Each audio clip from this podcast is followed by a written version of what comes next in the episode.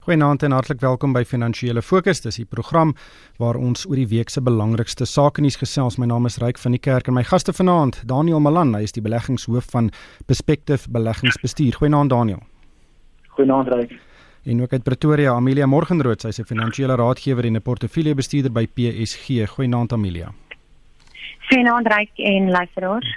Wel ons het uh, die afgelope paar weke uiters wisselvallige beleggingsmarkte gesien, nie net in Suid-Afrika nie, maar ook in die res van die wêreld. Uh en ons het Vrydag byvoorbeeld gesien hoe die beurs met 1,4% val en dit is uh, hoe ons uh, voor verlede week uh gesien het dat die JSE se indeks vir alle aandele met uh, 6,75% gespring het, die beste week in 'n dekade. Maar as mense 'n bietjie verder kyk, uh, presteer uh, presteer die beurs maar 'n bietjie vrot. Uh, die jaar tot datum prestasie is minus 10,4% en uh, van die hoogtepunt wat ons gesien het in die begin van die jaar is ons af 3 13,5% en uh, die afgelope 3 jaar het ons maar regtig ek maar net sywaarts beweeg. Ehm um, Daniel, kom ons begin by jou. Weet die die beurs raak almal van ons. Dis nie net ryk mense wat geld in in aandele het nie. Uh, almal van ons wat tot 'n pensioenfonds of 'n uittreeproduk bydra of effekte trust het word geraak. Wat is jou uh, wat wat sê jou kristalbal oor wat tans aangaan want daar's baie mense wat baie ongelukkig is oor wat tans op die beurs gebeur want dit raak die hulle welvaart. Ja, ek dis 'n goeie vraag en eh uh, die ons is geen eh uh, dis glad nie smaak vir enigiemand om geld te verloor nie en ek dink die, die perspektief wat ek graag net vir vir luisteraars wil gee is net om aan ag te neem dat jy weet ons het nou al 10 jaar wat aandelepryse wêreldwyd weet eiendomspryse aandelepryse eh uh, die die bondmark alles alles gaan op vir die laaste 10 jaar omtrent omtrent al in 'n ry. En so ons het baie goeie 10 jaar onder die blad en uh, dit is normaal want dinge wat opgaan kan nie altyd aanhou opgaan in die wêreldmarkte nie. So hierdie is 'n deel van 'n noodsaaklike regstelling in markte en mens moet baie versigtig wees hoe jy geposisioneer is vir daai vir hierdie deel van die markte. En dis wat dis wat belangrik is. Maar Amelia, daar's 'n persepsie dat Suid-Afrika se mark baie swakker vaar as ander internasionale markte en uh dat as jy in die buiteland sou belê dat jy baie beter sou gedoen het die afgelope paar jaar. Wat is jou siening daaroor? En um, nie heeltemal waar nie, ryk net as jy die voet in Amerikaanse mark was, um oor die laaste 10 jaar het die hele wêreld se markte uitgesluit. As jy na 'n indeks gaan kyk waar jy Amerika uitsluit, het daardie indeks vir die laaste 10 jaar eintlik sywaarts beweeg in dollar terme. Um die Amerikaanse mark daarenteen net ver ver ver uitpresteer, maar dan moet jy ook in ag neem dat die vorige 10 jaar het die Amerikaanse mark vir 'n hele periode van 10 jaar niks gedoen nie. So die Europese markte het nie weet hulle het wel eens waar 'n uh, bietjie gestyg, maar dit is nie dramaties nie. Ehm um, weet al die opkomende uh, markte almal almal is um, maar min of meer waar hulle was 5 jaar gelede.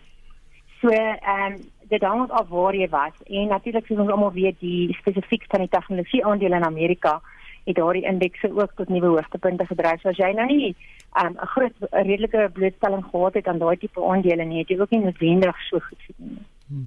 Maar Daniel, wat is die grondliggende redes vir uh, wat ons tans sien en en en dink jy daar kan in die nabye toekoms 'n verandering kom uh in die nuusvloei in die wêreld en en dan die traject waarteen aandele beleggings of aandele markte presteer?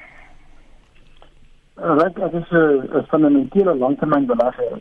So op die einde van die dag gaan dit vir my meer oor die waardasies en die kwaliteit van die maatskappye wat daar op die beurse is wat mens kan besit wat op 'n op 'n langtermynbasis kan kan groei lewer en wat kan woeker met aandeelhouers geld op 'n sinvolle en betroubare manier. Ehm um, dit is natuurlik nie waar vir alle maatskappye nie. So dit is deel van die beleggers se werk om natuurlik deur die deur die hele mark te sif en om te probeer om die kaf van die koring te skei en dit is tog dit is deel van die werk van uh, uh, aktiewe beleggers of mense wat fundamentele navorsing doen en dit bring vir interessant genoeg hierdie hele debat rondom aktiewe waterbestuur in vergelyking om net bloot die indeks te gaan staan en koop. Uh, as jy nou byvoorbeeld vat in Suid-Afrika waar beleggers blindelings in die laaste paar jaar uh het ingegaan het en hulle dink hulle betaal baie lae fooi en hulle besit nie die indeks ehm um, en ewe skielik knip jy jou oë en die indeks is 14% af vir die laaste 12 maande wat 'n baie stewige syfer is en die probleem natuurlik is dat daardie beleggers het nou geen fundamentele basis wat om op terug te val in terme van die waardasie en die onderliggende fundamentele werk wat gedoen moet wees om daai om weer vertroue te kry om by jou posisies te bly. En dit is altyd vir my 'n interessante deel van die siklus. Ja, maar die ander kant van die saak is dat uh 70 tot 80% van batebestuurders kan nie die indeks klop nie. Dit is waar ja. En uh dit is natuurlik so dat daar is batebestuurders wat wat op 'n langtermyn en gedissiplineerde basis na die na die markte kyk dat dit wel reg kry. Jy is 100% reg. Dit is 'n baie klein persentasie van die totaal.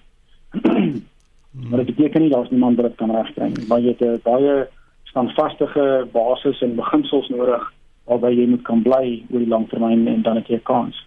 Hmm. Maar Amelia, ek ek verstaan ek dink baie beleggers verstaan dat uh, daar is siklusse in markte. Ons is tans in die in 'n negatiewe siklus. Ehm um, maar tog, weet dis my geld en is jou geld en is uh, mense wat baie her, baie hard werk vir hulle geld wat nou uh, in aanhalingstekens geld verloor omdat die beurs agteruit boer. Ehm um, hoe, hoe dink jy moet beleggers of gewone mense wat sê nou maar tot 'n pensioenfonds bydra uh die die hele situasie interpreteer en want om sit, om te sê bytvas is nie altyd die die maklikste ding om te verteer nie. Kyk, raak wat nou gebeur is nie net nie. Ons het hierdie soort uh, ons het ons het soort gelyke situasies al in die geskiedenis ervaar en selfs voor my tyd ook nog uh vroeër jare het, het het hierdie tipe ding al, al gebeur. En ek herinner altyd my kliënte daaraan dat um, in die 2010 toe die mark in 2009 so ver geval het in die Amerikaanse krisis, het dit presies 3 en 'n half jaar geneem vir die mark om net weer sy vorige vlak te bereik wat hy gehad het. Um ek het gekleen gehad dat die week maar gesê ja, maar is nou al 4 jaar wat ons niks het nie.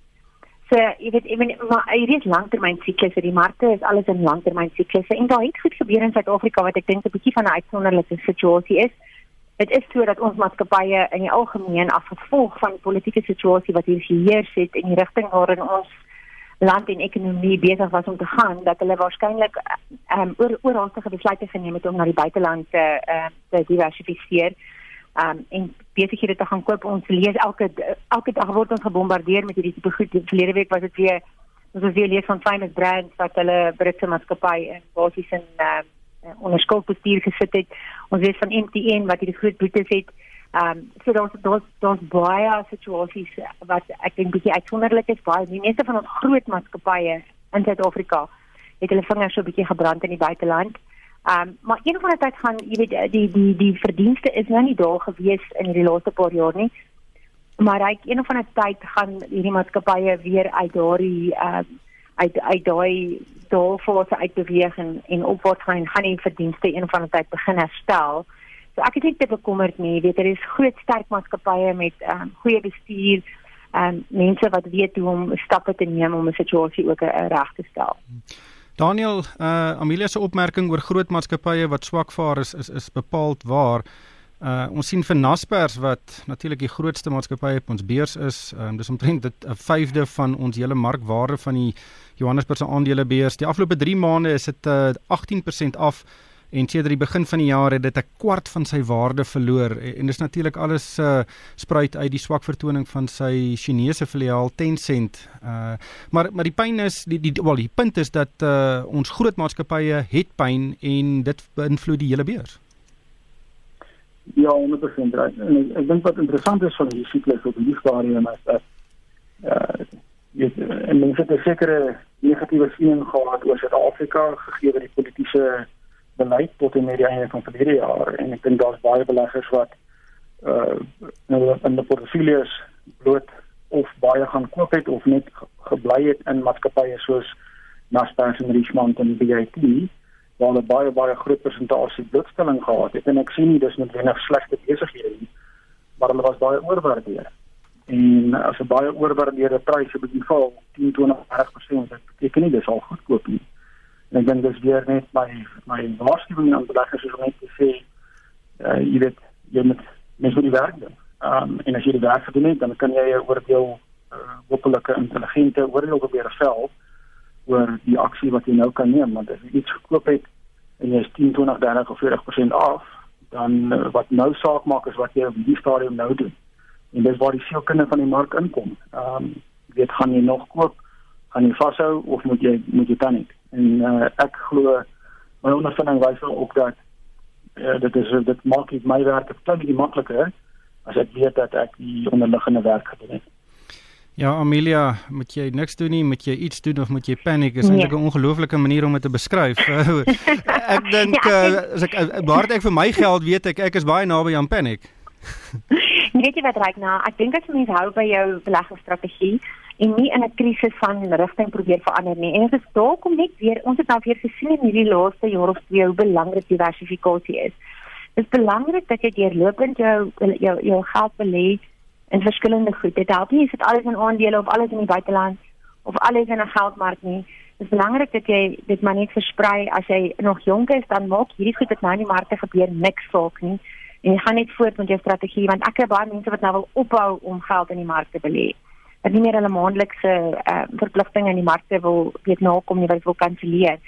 En dis juist nou die tyd om nog aan te koop vir jonger mense definitief en uh, om jou geld in aandele te hê en sien maar in die buiteland te hê 'n verdeling te hê tussen daai twee waterklasse is 100% korrek en dan het jy geen opbrengs nie of negatiewe opbrengste gehad is dit ook reg.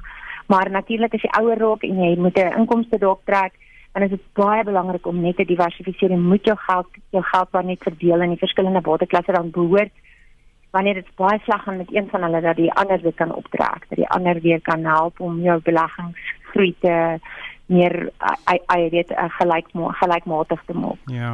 Ek dink as jy enige beleggingsboek lees, nommer 1 staan daar moet nooit laat emosie betrokke raak by mm. beleggingsbesluite nie. Ek ja. lees baie van Warren Buffett se goed en uh, en en dit is alles op waardige grond Daniel soos wat jy gesê het. So ons is in 'n siklus. Ehm um, daar is nie regtig 'n grondliggende rede tans ehm um, dat mense uit die mark uit moet klim nie. Bly maar net kalm en uh, en hopelik draai die die hele situasie in die nabye toekoms om. Is dit maar hoe uh, beleggers dan dan moet kyk, Daniel? Uh, like, ek moet sê ek ek persoonlik my persoonlike benadering ek dink dit is 'n baie swak strategie. Um, my ek kan maar net vir myself praat, maar ek dink dat wanneer jy in die markte wil belê, dan is dit baie baie belangrik om 'n plan te hê. En uh, ek wil nie vir mense sê elke ou het sy eie plan, dis maar al wat ek probeer promoveer is dat jy 'n plan moet hê dat jy dan daardie moet bly. So ek stem saam met Amelia se insette. Ehm um, en die groot vraag is natuurlik dat elke belegger in homself op haarself moet kyk en sê okay, wat is my plan? Wat was my plan dis? En is dit 'n sinvolle plan? Dit is dit en as dit nie 'n sinvolle plan is nie, dan moet ou ernstig gaan maar kyk. Miskien miskien 'n wysiging aanbring. Ja. Maar as jy 'n sinvolle plan het, dan is die geheim om daarby te bly en dit is dit is die groot een van die groot sleutels van die van die sukses van meeste langtermyn beleggers reg oor die wêreld is dat hulle 'n uh, sinvolle plan en hulle bly daarbey. Ja. Ehm um, Amelie kos gesels 'n bietjie oor die nuwe aandelebeurs A2X. Hy's al so 'n paar jaar aan die gang. En uh, Standard Bank het nou genoteer hierdie week en daar's uh, al 'n hele paar groot maatskappye wat daar genoteer is en dis nie 'n nuwe aandelebeurs of 'n aandelebeurs wat nuwe maatskappye lok nie, dit is bestaande maatskappye wat op die JSE genoteer is wat dan ook hulle aandele op hierdie beurs uh noteer en die voordeel vir beleggers is is baie goedkoper om dit deur die A2X beurs te koop as op die JSE. Wat is jou siening van van hierdie beurs?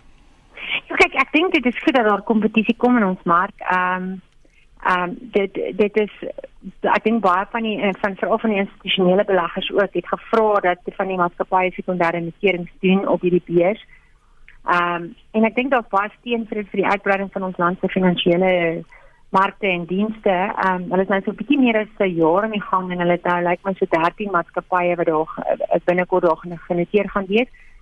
Ehm um, die 15de November gaan IBI ook noteer en ons Standard Bank Um, en hulle het nou al 'n hele paar groot maatskappye daar hoor, Sanlam, Growthpoint, hmm. Ascend South, Afrimat, Anchor Capital, 'n hele klompie. En ook natuurlik African Rainbow Capital um, van Patrice Motsepe en Johan van Sail wat 20% van daai beurs besit. Ehm um, so hulle is vinnig besig om um, om om om uit te brei. Ek dink jy weet hierdie is 'n tipe ding wat momentum kry sodra 'n klomp maatskappye daar is dan wil almal daar wees en wat die voordeel is vir maatskappye daar's geen noteringsgeld vir hulle om te betaal by A2X nie. En so daar's hulle niks om te verloor om daar te noteer nie. En dit gaan natuurlik ehm um, definitief die maatskappye lok na daardie beurs. Het jy al vir jou kliënte geld op die beurs gekoop? Nee, uh, aandele gekoop?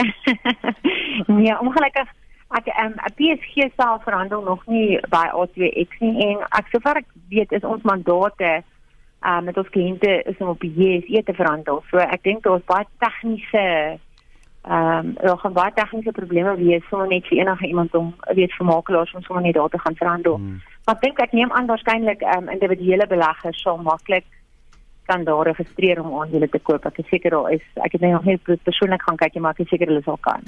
Daniel, jou indrukke van die beurs of het jy al aandele daar gekoop? Ek het nog nog van waar aandele koop nie, maar ek dink die beginsel in wat dit kom by 'n beurs is dat die primêre funksie van enige beurs is is dat daar prysontdekking moet kan gebeur.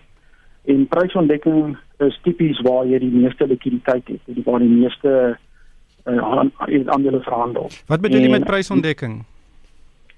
prysontdekking is net dis 'n ontdekkingsproses van van pryse. In ander woorde, dis die die beer is die plek waar klomp kopers en klomp verkopers kan mekaar kom en dan kan die prys op of af gaan afhangende van die waar die balans in die mark val tussen kopers en verkopers. Hmm. Dit so as as dit baie meer kopers as verkopers is, dan gaan die prys op en vice versa.